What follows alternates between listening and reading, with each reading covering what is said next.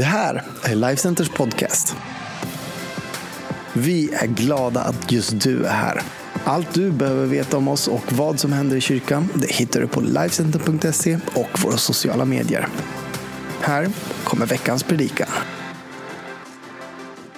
Idag så ska vi gräva i Guds ord och vi börjar en eh, ny serie om eh, den första kyrkans och de första troendes liv med Jesus. Och det är ju jättespännande att få undervisa utifrån det som kallas för apostlagärningarna. Eller Acts på engelska, vad säger ni om det? Och jag tänkte idag att vi skulle ägna oss åt eh, tre stycken huvud, eh, jag ska säga, huvudgrundbultar i ett kristet liv som dyker upp direkt i eh, de första kapitlen där. Och i princip kan man ju säga så här att vi har de senaste veckorna i kyrkan eh, talat ifrån kapitel 1 och 2, framförallt kapitel 2. Och nu så tänkte jag att vi kör ifrån kapitel 3 och så något kapitel framåt. Och så ska vi ägna oss åt the big three, har jag tänkt på. De stora tre. Och eh, då kan man ju tänka, vad är det? Är det någon eh, svensk variant eller någon bibelvariant på Big Five? Eh, De stora... Ja, men det finns alltid ett uttryck för just huvudsanningar eller pelare eller grundvärderingar eller grundbultar som är viktiga för oss. Och de här tre orden som egentligen jag vill hänga upp min predikan på idag, det är orden mirakel, förföljelse, låter ju spännande va? Och ordet generositet. Alla de här tre ingredienserna i dagens predikan, den, de, de berättar om det liv som du kan leva tillsammans med Jesus. De, de är alla nödvändiga och de är alla betydelsefulla för oss och de är naturliga i en kristen människas liv. Och om vi då går liksom in direkt på bibeltexten från Apostlagärningarna kapitel 3 så kan vi läsa så här ifrån vers 2 och framåt. Då bar man dit en man som hade varit lam från födseln. Varje dag satte man honom vid en tempelport som kallas Sköna porten för att han skulle be dem som var på väg in i templet om en gåva. När han nu såg att Petrus och Johannes skulle gå in i templet bad han om en gåva. De fäste blicken på honom och Petrus sa, se på oss. Mannen såg uppmärksamt på dem och väntade sig att få något. Bara det är liksom ett uppslag för en predikan. Va? Men så fortsätter de så här. Men Petrus sa, silver och guld har jag inte. Men vad jag har, det ger jag dig. I Jesu Kristi Nazarens namn, stig upp och gå. Och han tog honom i högra handen och reste honom upp. Och genast fick mannen styrka i fötter och vrister. Fantastisk bibeltext som är sådär jättebra. Och när man läser Bibeln så slås man ofta av den här eh, fantastiska förmågan Gud har för att göra det omöjliga möjligt. Han älskar att kliva in i människors liv och han älskar att gripa in i situationer. Och min tro är ju rotad i en Gud som har möjlighet och vill göra någonting i våra liv. Han bryr sig och eh, i apostlagärningarna som egentligen är då berättelsen om apostlarnas liv där de gick fram, men också berättelsen om våra liv. Därför att vi är ju en fortsättning på det här. Då ser man att det är så naturligt för, för en kristen att leva ett övernaturligt liv. Så det här övernaturliga, det är naturligt för oss. Liksom det är en dimension som vi har, har access till, men också som Gud vill att vi ska leva i och vandra i. Och det finns en fantastisk väg in i det livet och i det livet genom den heliga ande och det han gör i oss. Storyn om Petrus och Johannes är ju jättehärlig och det är en, som, en sån här berättelse som man kan höra liksom redan från början i ett kristet liv eller om man växer upp i en kristen gemenskap i söndagsskolan eller barnkyrkan eller du kanske har hört tusen predikningar om det här. Eh, men det som är så intressant med Petrus och Johannes i den här berättelsen är att i vanlig ordning så var de på väg till templet för att be. Man kan säga det är på samma sätt som vi är på väg till kyrkan i vanlig ordning en söndag för att gå på gudstjänst. Och de också det. Och eh, I den här texten då när vi läser om deras väg dit så, så hittar vi några nycklar som hjälper oss faktiskt att, att applicera det här övernaturliga livet på våra liv, på våran vardag. Och det första jag tänker på egentligen där är att Gud öppnar för mirakel mitt i en vardagsvandring. Det är mitt i vardagslivet. Alltså de är på väg och gör det de brukar göra. Precis som du går till jobbet som du brukar göra, eller på plugget som du brukar göra, eller du går liksom eh, och handlar som du brukar göra, eller du går till kyrkan som du brukar göra. Mitt i deras vardagsvandring, det naturliga livets vandring, där sker miraklen. Mirakel sker inte bara i någon speciellt helgad miljö som man ska dra sig till, liksom, eller som vi ska forma för att där kan miraklen ske. Ja, jag tror ju på att Gud gör mirakel i kyrkan också och har sett det många, många gånger. Hundratals gånger hur vi har bett för människor, de blivit friska och helade och upprättade och fått förvandlade liv. Men det är vardagsvandringen som det mest naturliga, övernaturliga sker. Och jag tycker det är en jätteuppmuntran till oss allihopa. Jag har många exempel på det här. Min mamma till exempel, hon blev helad ifrån cancer när vi bad hemma hos oss. Uh, Ulrika och jag, vi har upplevt ekonomiska mirakel mitt i våran vardag där vi har bett Gud om ingripande. Vi har sett eh, Life Center planteras mitt i liksom det som har varit en vardagsvandring för ett eh, ganska ungt pastorspar och ett ganska ungt team. Och jag har sett det när vi har bett så många gånger för människor som har önskat jobb och man har velat ha, ha hitta en livskamrat. Man kanske längtar efter barn och, och, och som har kämpat med det. Och hur Gud gör mirakel. Jag har sett hur Gud har välsignat företagare eh, eh, liksom, till genombrott. Så att Gud han har en plan med ditt liv och han vill komma med mirakel in i din vardag. Det andra i den där liksom med, med mirakel det är att mirakel är naturliga för de som är öppna för att vara brukade av Gud. De gick ju liksom på sin vandring men mitt i den där vardagsvandringen så var de också öppna för att någonting kunde ske. Va? Man var liksom inte passiv liksom, utan man var lite mer framåt. Vad, är, vad betyder det här? Vad handlar det här om? Vad är det här liksom som, vad, vad kan Gud göra här? Och jag tycker att det är någonting som är så uppmuntrande för dig och mig. Att när vi går fram i vardagen, då vill Gud göra någonting med våra liv. Va? Så att man ser livet med andra ögon. Att han faktiskt vill använda mig där. En annan grej är att mirakel kräver människor som vågar tro att Gud kan göra det omöjliga. Man behöver våga tro på Gud. Man måste våga liksom lita på honom. Man måste våga ta ett steg i tro och säga, det här kan Gud fixa. Det här har Gud en möjlighet. Alltså, så att trons atmosfär och trons språk, den skapar förutsättningar för människor att ta emot. Och egentligen är det ju så att det är Gud som ska göra miraklet. Du ska ju bara vara lydig och, och, och be i tro. Va? Gud får fixa liksom det han har beställt. Va? Men du ska bara utföra det han har kallat dig att göra. Och det är att leva ett liv av tro och, och lita på honom. En annan sak det är ju att mirakel sker alltid där evangeliet predikas. Och du, just skulle du göra ett studie på apostlagärningarna så ser du att liksom, varenda mirakel man ser, det handlar om att man har predikat Jesus. Va?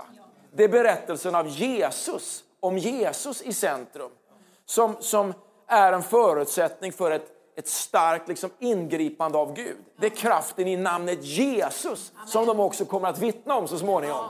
Det är genom kraften i namnet Jesus som den här mannen har blivit helad och han blir helad. Och det är någonting underbart att få leva ett sånt liv. Så tala tro så agerar Gud. Och mitt i din vardag, var frimodig där, för Gud hör din bön. Och har du liksom inte fått bönesvar än, eller har du varit med om någon gång du tyckte att det blev inte som du önskade att det skulle bli. Gud är i kontroll. Sluta aldrig tro på Gud. Tala tro och be frimodigt och gör dig redo att släppa loss kraften i evangeliet. Amen. Genom att berätta om Jesus. Min andra punkt idag, den handlar om eh, eh, det som Bibeln då beskriver i de här texterna som förföljelse. De är med om mirakel och det går liksom inte så lätt för alla att acceptera det där. Och så kommer trycket på den första kristna kyrkan. Och förföljelse, det är någonting som faktiskt också är en del av det kristna livet. Som ett brev på posten så kommer reaktioner på ett frimodigt Jesusliv. Du vet, orsaken är ganska enkel. För att det är ganska provocerande för en del människor att man kan tro att Gud gör under. Att man kan tro att Gud griper in i våra liv, att Gud kan förvandla, att han kan hela och att han kan ge oss en framtid med hopp. Att man liksom tror på en Gud som verkligen älskar och bryr sig. Det är provocerande. Särskilt kanske i en tid som våran. I ett samhälle som kanske under hundra år på ett särskilt sätt har försökt att montera ner Gud. Och vi har alla ideologier och vi har alla möjliga olika liksom, ismer och vi försöker liksom att på något sätt blocka in våra liv i de politiska åsikterna och partierna och värderingarna och så, så tror vi att Gud bara är begränsad till det där. Alltså Gud, Gud är mycket större än så. Jesus han var vare sig bara liksom, eh, företagare eller socialist. Han var, var, han var varken eller. Därför att Jesus han vill frälsa och förvandla människors liv från både vänsterkant till högerkant. Va? Liksom, eh, eh, från den lägsta till den högsta. Va? Så passa dig väldigt noga för att boxa in Gud. Så att Gud eller Jesus bara liksom tillhör liksom en liten grupp människor. Gud är mycket, mycket större. Så mannen där då som vi möter, han har ju blivit helad och, och, och han har ju inte gjort något speciellt för att bli helad. Han är inte vare sig jättemer duktig än någon annan. Han eh, är inte bättre för att han är sjuk. Han är inte mera omtyckt av Gud för att han har en dålig situation eller för att han skulle haft en bra situation. Han har inte skrivit några böcker, han har inte liksom deklarerat något, utan han bara finns där. Och jag tycker det är en uppmuntran också till dig och mig. När vi ibland liksom vill boxa in de människor som har rätt att ta emot Gud eller inte skulle ha rätt att liksom ta emot ett förvandlat liv. Gud älskar alla människor. Så oavsett om man är agnostiker, eller om du är ateist eller en andlig sökare, så är svaret det här. Det finns kraft i namnet Jesus att förvandla ditt liv. I Apostlagärningarna 4 så står det så här, ifrån vers 1 och fram till den fjärde versen. Medan Petrus och Johannes talade till folket kom prästerna, tempelvaktens ledare och saduceerna emot dem, upprörda över att de undervisade folket och i Jesus predikade uppståndelsen från de döda. De grep dem och höll dem fängslade till nästa dag eftersom det redan var kväll. Men många av dem som hade hört ordet kom till tro och antalet män var nu omkring 5 000. Här är liksom en, en liten säga, en snapshot av det som är på gång. Va? Man predikar, det är reaktioner, men fler och fler blir frälsta. Och vi skulle kunna ägna oss lite åt den numerära tillväxten i apostlärningarna för den, den, den, den, den dyker upp hela tiden. Va? Så den finns där. Men du vet, alla som har klivit upp liksom, en morgon och levt ut det kristna livet kommer förr eller senare uppleva tillfällen av mer eller mindre tryck. Vet alla som, som på något sätt eh, Ja, det spelar ingen roll vet du, om vi bor i Nordkorea eller vi bor i Sverige. Det kanske som är skillnaden det är att man kanske i Sverige får behålla livet. Va? Eh, och, och, men du vet, hat och förlöjligande det har kristna i alla tider fått utstå. Eh, och, och, min vän, det viktiga för oss i det, det är att vi förstår att, att Jesus ger oss någonting som är mera värt ja. än det trycket. Och jag skulle säga till dig så här, den kanske lite också utmanande till dig att om livet med Jesus inte är värt mer än det tryck som du ibland kan få utstå, då kan man nog fråga vad det är för möte med Jesus som man har haft. Vad är det för upplevelse av Jesus som jag har haft? Eh, och, och, nu vill jag inte liksom på något sätt eh, eh, behandla dig som en mindre liksom, intelligent människa, men, men du behöver tänka till. Hur är det med bekännelsen? Eller hur är det med mötet med Jesus? Kanske är det bara dags att gräva lite djupare i honom och få se vad han kan göra med dig och för dig. Vi söker inte förföljelse, men vi söker ett aktivt utåtriktat kristet liv. Så alla som lever ut sin tro på Jesus kommer förr eller senare att bli ifrågasatta. Men vi har fått något som är mycket, mycket mer värt än allt det som vi kan möta av motstånd. Vi lever i en jättespännande tid. Den här tiden är ju stark nu, den ropar på rättfärdighet. Va? Man ropar på justice. Va? Och det är verkligen på tiden att göra upp med förtryck. Jag tror det. Och Det är intressant att se hur många troende, hur många kristna, hur många starka Jesus-övertygade människor som har gått i bräschen för det som har varit en revolution i synen på hur människor ska behandlas. Genom alla tider, frihetskämpar. Människor som hade fått ett eget andligt uppvaknande och därför ville hjälpa människor spelar ingen roll om det var Martin Luther King, han var ju frälst. Va? Eller om det var en sån som Nelson Mandela som också var en troende på Jesus. Eller om det var Lech Walesa i Polen liksom när liksom man skulle slå sig loss från, från Sovjetimperiet. Eller om det var William Wilberforce och slaveriet liksom i, i USA. Alltså, det var människor som hade mött Jesus på riktigt. I Apostlagärningarna 3 och vers 13 så står det så här. Eh, eh, ska vi se, eller 3 och 13. Nej, men 4 och 13 står det. 4 och 13 här. När de såg hur frimodiga Petrus och Johannes var och märkte att de var olärda män ur folket blev de förvånade. Men så kände de igen dem och kom ihåg att de hade varit tillsammans med Jesus. Där har du nyckeln. Släpp loss din frimodighet och den kommer när man har varit tillsammans med Jesus. Vi går på den tredje punkten och den handlar om något så fantastiskt som generositet. Sist jag vill lyfta upp idag, det som gör ditt liv större och det som kan vara en av de här big three i den nya kyrkan och det nya livet med Jesus som vi hittar i Apostlagärningarna. Det är faktiskt någonting som vi kan läsa om i kapitel 4 och så går man fram till vers 32. Och där står det så här. Skaran av dem som trodde var ett hjärta och en själ. Och ingen enda kallade något av det han ägde för sitt, utan de hade allt gemensamt. Med stor kraft frambar apostlarna vittnesbördet om Herren Jesu uppståndelse och stor nåd var över alla. Ingen av dem led någon nöd. Alla som hade jord eller hus sålde vad de ägde och bar fram det de hade fått för den sålda egendomen och la ner betalningarna för apostlarnas fötter. Och man delade ut åt var och en vad han behövde. Josef, som var levit och född på Sypen och som apostlarna kallade Barnabas, det betyder tröstens son. Han ägde också en åger som han sålde och bar fram pengarna för och la vid apostlarnas fötter. En fantastisk berättelse och den handlar inte om någon, eh, ska vi säga, eh, eh, ska vi säga storkollektiv på ett sätt här, utan det var någonting som behövdes för den här tiden på ett speciellt sätt, men den sätter fingret på just ordet generositet. Och jag tänker just på Barnabas. I varje grupp av människor så finns det människor som sätter standarden. Det finns alltid människor som kliver före, som sticker ut lite extra, som gör att andra tycker att det där är något intressant att imitera. Och Barnabas, han var ett sånt föredöme. Han demonstrerade en osjälvisk generositet för att möta fattigare människors behov i församlingen. Hans smeknamn, tröstens son, eller egentligen betyder det uppmuntraren. Uppmuntraren. Barnabas uppmuntraren. Han är fylld av helig ande och tro. Och det som är intressant med honom är att han blir en av de här volontärledarna i kyrkan. Tillsammans med en annan kille som heter Stefanos som vi ska läsa om lite senare.